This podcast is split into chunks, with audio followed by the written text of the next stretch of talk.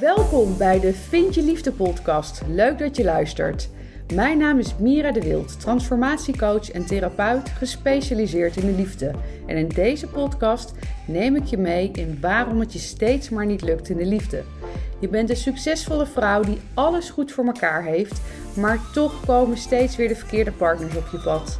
De emotioneel onbereikbare man, een man met narcistische trekken, die maar op één ding uit is, die al in een relatie zit, of de man die zich niet kan of wil binden.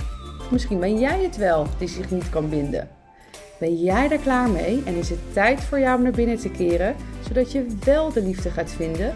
In deze podcast ontdek je hoe. Veel luisterplezier.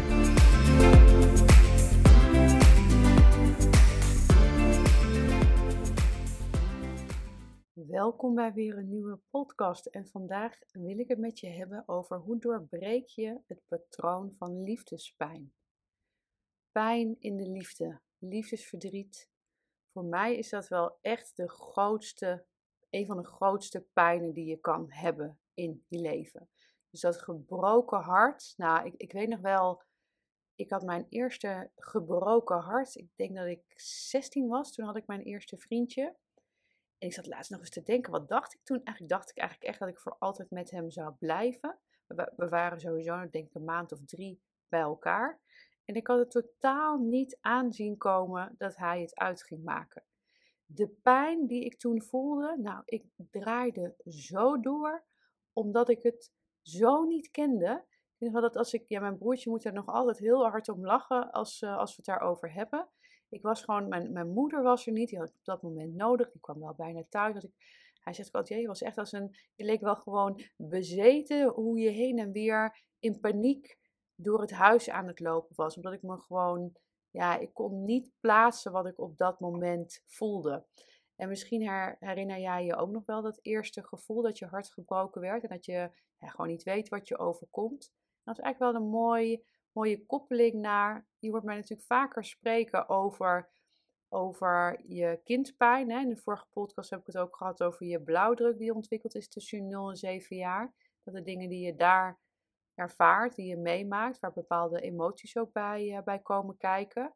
En dat je als kind zijn, als je ja, als je dat dus nog nooit hebt meegemaakt en je wordt er dan ook niet veilig in ondersteund door je ouders, dat, nou, dat, dat vergelijk dan een beetje met dat gevoel van die eerste keer dat liefdesverdriet, dat je gewoon niet weet wat je ermee aan moet en dat je dan op dat moment maar één ding kan doen, het gevoel afsluiten en naar je hoofd schieten.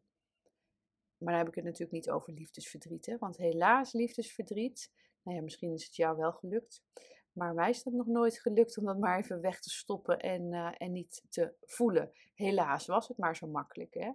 En dat is ook met pijn in de liefde. Ja, tijd hield alle wonden. Maar het is zo frustrerend. Dus uh, ja, weet je, op latere leeftijd.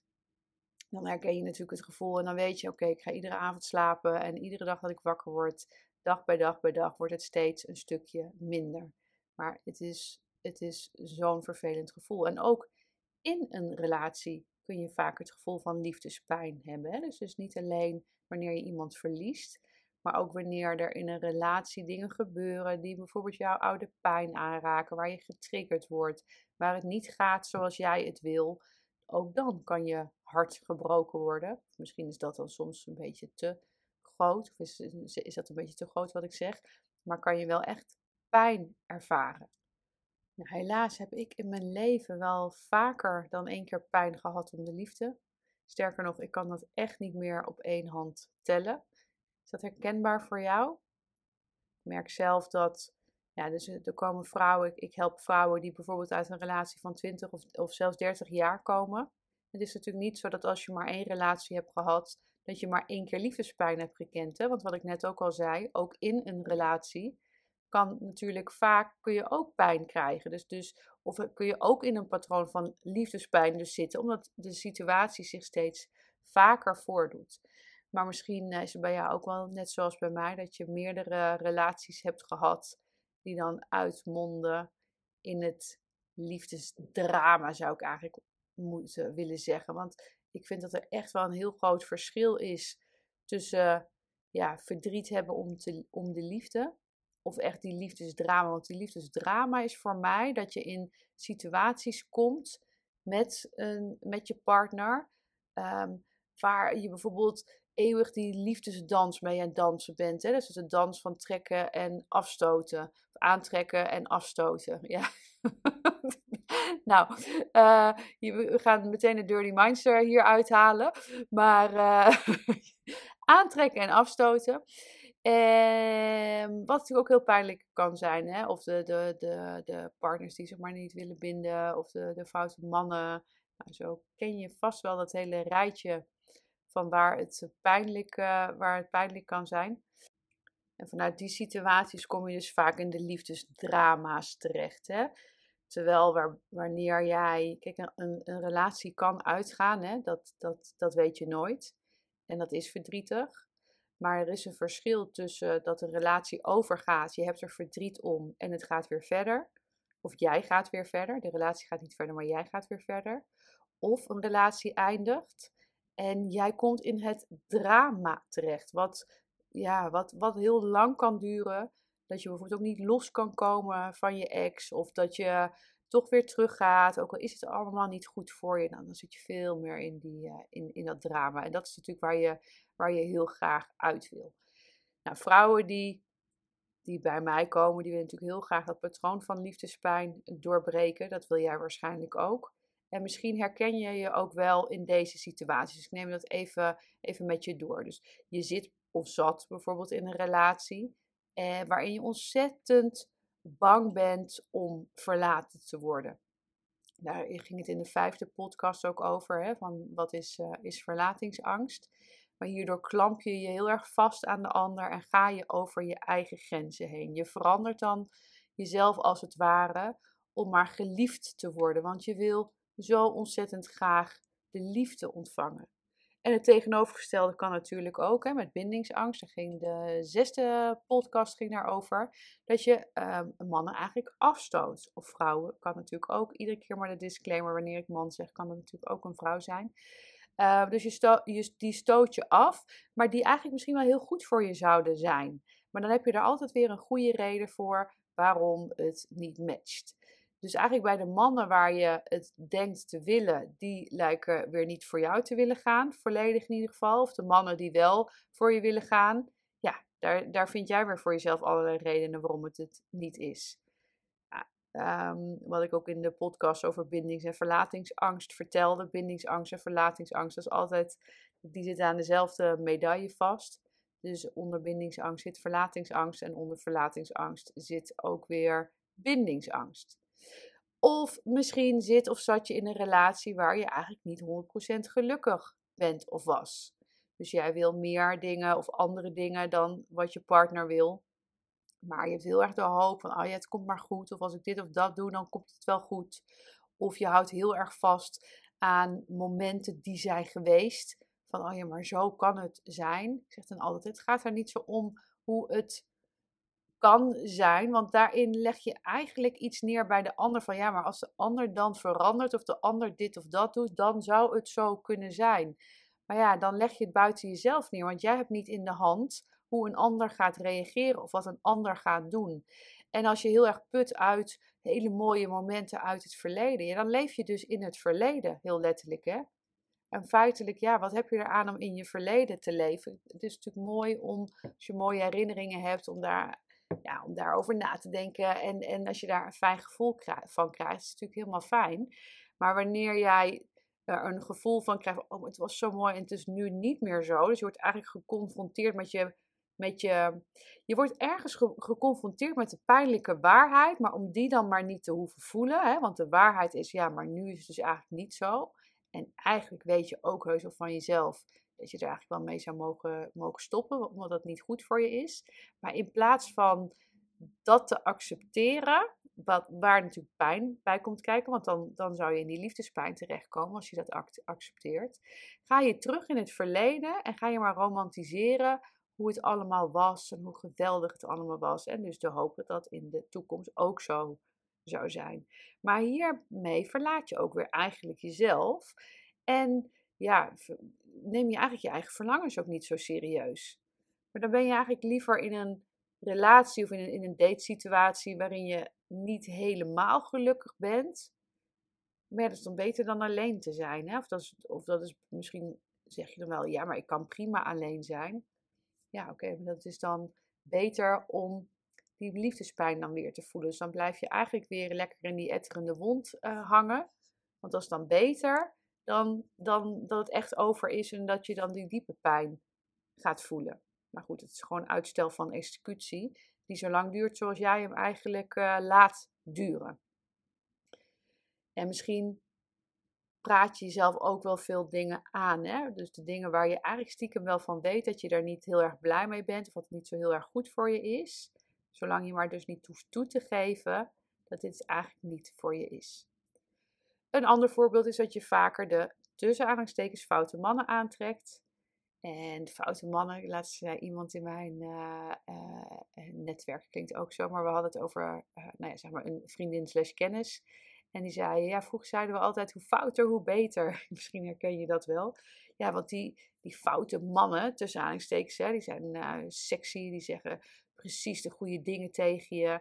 En die zorgen dus ook voor die hele grote pieken, die hoge pieken. Maar helaas ook voor de diepe dalen in je leven. Of je trekt iemand aan, continu die emotioneel niet bereikbaar is, is die zich niet, niet wil binden. Of de partner die al, de man die al getrouwd is. Nou, dat zou je ook eventueel kunnen scharen onder de foute man. Waarbij in de essentie een persoon natuurlijk niet per se fout hoeft te zijn. Ehm, want nou ja, we, worden, we worden allemaal goed geboren sowieso. En wat heel belangrijk is, ook, ook goede mensen doen foute dingen. Hè? Dus wat is fout? Eh, en uiteindelijk gaat het daar natuurlijk ook om, gaat het niet zozeer om wat die man doet, maar gaat het natuurlijk met name om wat jij accepteert. Maar dit zeggende laat ik ze even heel snel een podcast op gaan nemen over dit onderwerp. Want het is wel iets waar ik nog uh, wel wat dingen over kan vertellen natuurlijk.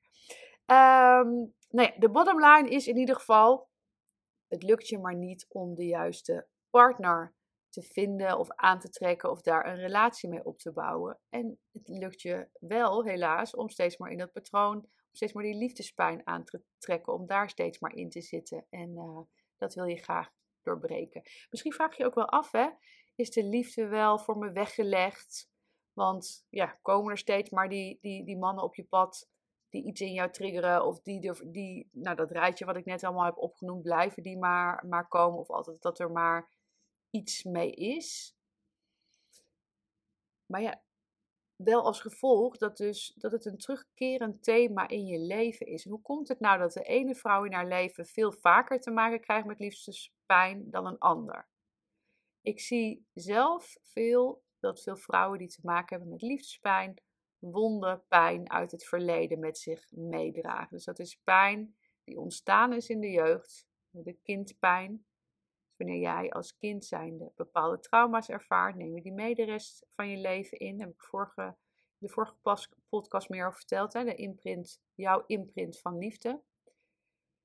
Als kind is het dan moeilijk, al dan niet onmogelijk om datgene wat je meegemaakt hebt te verwerken. Vertelde ik net al een beetje over. Dus ja, ergens ook wel logisch dat je het opslaat en je hele leven met je meeneemt. En hoe je het ook wel zou kunnen zien, je slaat dat eigenlijk op in jouw systeem. Dat stukje bevriest, daar kan de energie ook niet meer stromen.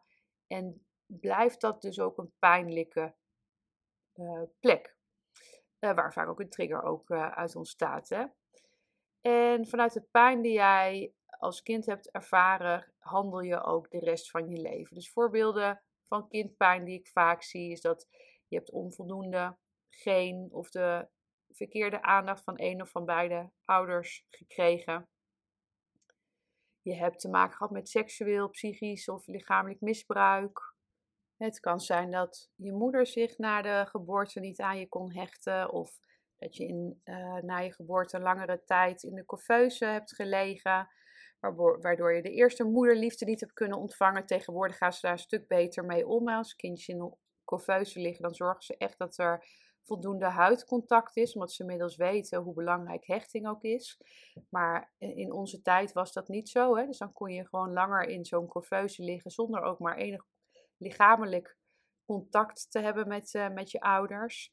Het kan zijn dat er een situatie is geweest waar jij je onveilig voelde, of als kind is er enorm over je grenzen heen gegaan. Um, je bent opgegroeid in een gezin waar er geen ruimte was voor je wensen, je behoeften, of die stonden in ieder geval niet op de, op de eerste plek. Nu kan het zijn dat je natuurlijk eh, broertjes, zusjes hebt, dus wat is eerste plek? Het gaat er natuurlijk vooral om dat er ruimte was voor gevoelens en emoties en behoeftes. Dus doordat jij als kind niet hebt gekregen of te veel hebt gekregen, kan soms ook wat je wel nodig had, ontwikkel je je patronen, je, je overtuigingen en daar vloeien ook weer overlevingsmechanismen en strategieën uit. En dat uitzicht dan op latere leeftijd in bijvoorbeeld bindingsangst, verlatingsangst, liefdesverslaving, relatieverslaving, codependentie of exen die je maar heel lastig los kan laten. De eerste stap is echt het herkennen van je patronen. Dat is al best wel moeilijk, hè? want voor jezelf erkennen van oké, ik heb eigenlijk wel een probleem. Dat weet je natuurlijk ergens wel, maar om, echt ook te, te, te erkennen voor jezelf, dit is iets waar ik vaker tegenaan loop. Dus daar zit een patroon in, dus ik zal er wel iets aan moeten doen, want anders blijft het maar terugkeren. Ja, dat is zo'n ontzettend belangrijke stap, die misschien simpel lijkt, maar echt niet zo simpel is. Maar zolang je het niet erkent en ook herkent, zullen dezelfde situaties zich blijven herhalen. Nou, overtuigingen die dus in de jeugd ontstaan is, die ontwikkelen, die, ontwikkelen zich voort doorgaans in patronen. Hè? Dus een patroon is iets wat vaker voorkomt. Wanneer jij bijvoorbeeld herhaaldelijk tegen jezelf blijft zeggen dat alle mannen slecht zijn en je altijd maar de verkeerde mannen aantrekt, dan raak je zo overtuigd van deze overtuiging en dan ga je ook nog eens aantrekken wat je gelooft. Um, nou, dus wat ik net zei, van, dus als een eenzelfde situatie zich vaker voordoet, dan, dan heb je het over een patroon. Dus kijk eens naar wat jouw patroon is. En wanneer je vaker last hebt van een liefdespijn, wat zijn nou, wat zijn nou exact de dingen die steeds terugkomen? En vervolgens is het heel belangrijk om te durven kijken naar het verleden, zodat je er ook achter komt hoe de dingen ontstaan zijn waar je nu tegenaan loopt.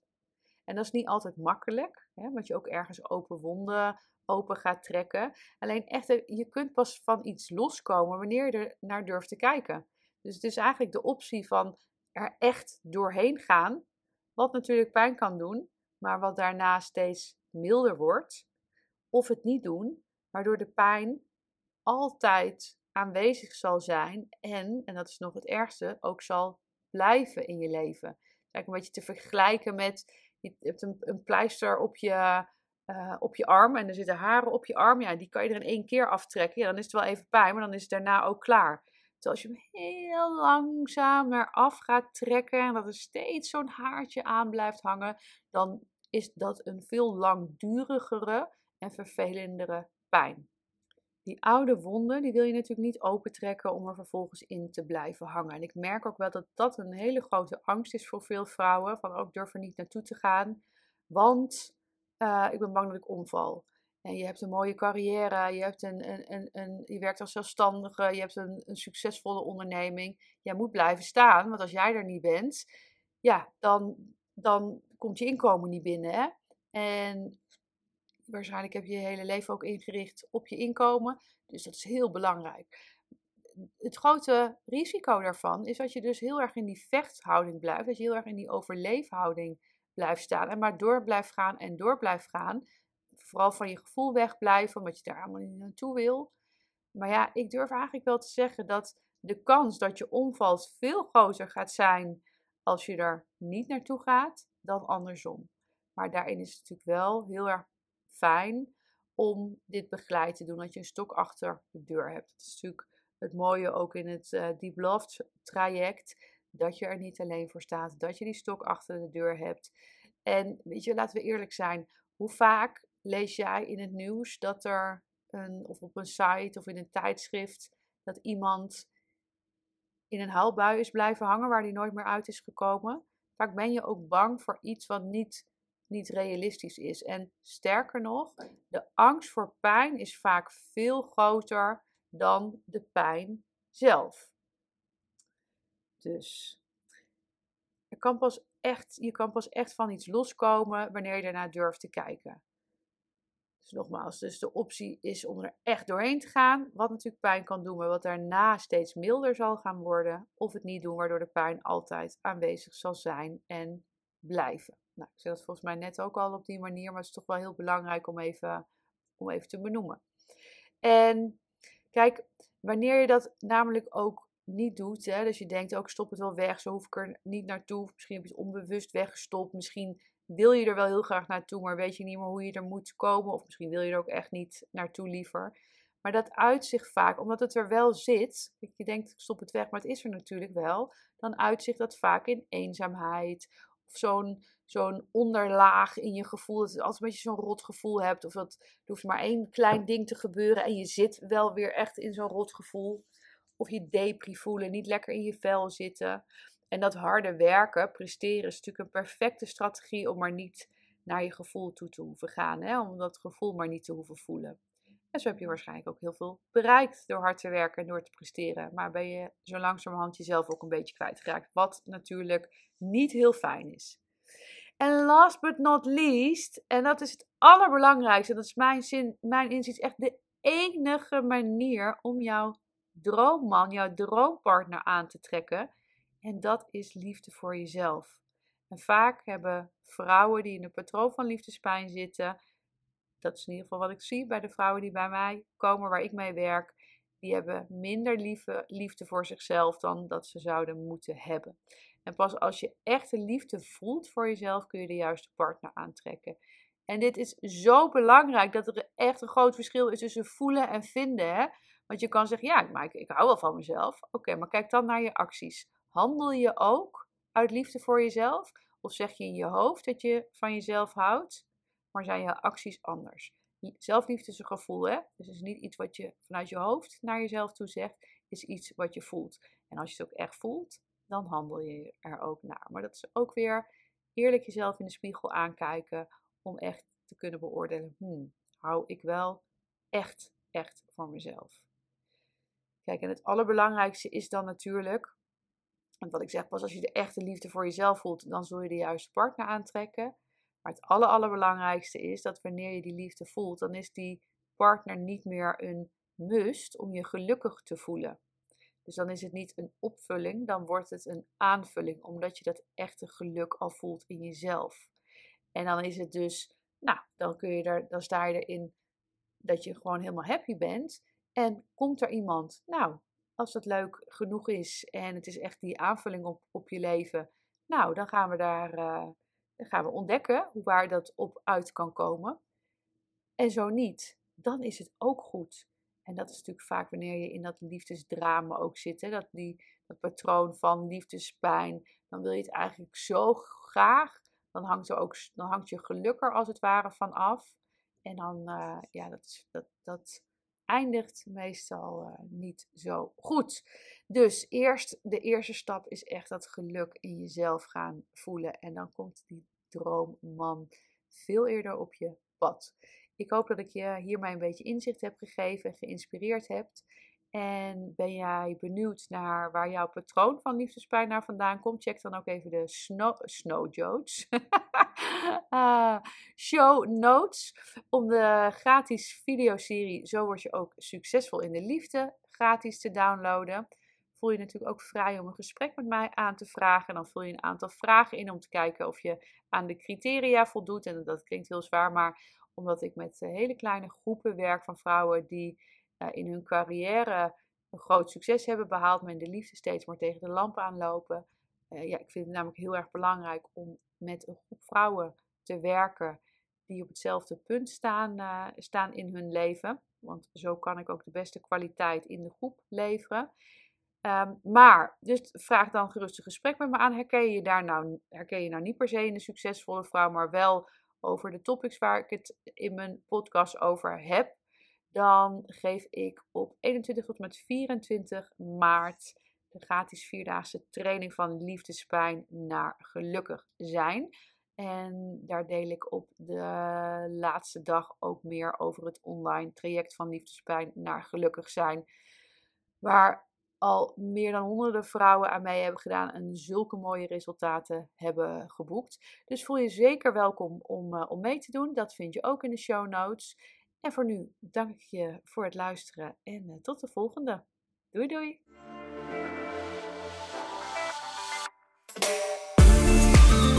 Hey, hier ben ik nog even. Herken jij je ook in de vrouwen die ik persoonlijk begeleid in hun transformatieproces? Dan heb jij het vast ook supergoed voor elkaar in je leven, maar wil het in de liefde maar niet lukken.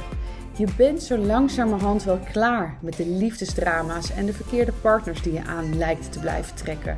Ik snap dit helemaal. Spreek het je aan om de liefde, warmte en genegenheid niet langer te zoeken buiten jezelf, maar in jezelf? En wil je succesvol zijn op alle gebieden in je leven, dus ook in de liefde? Wil je dat ik met je meedenk over de stappen die je hiervoor mag gaan zetten? Vraag dan een vrijblijvend gesprek met me aan via www.miradewild.nl/gesprek. Tot snel!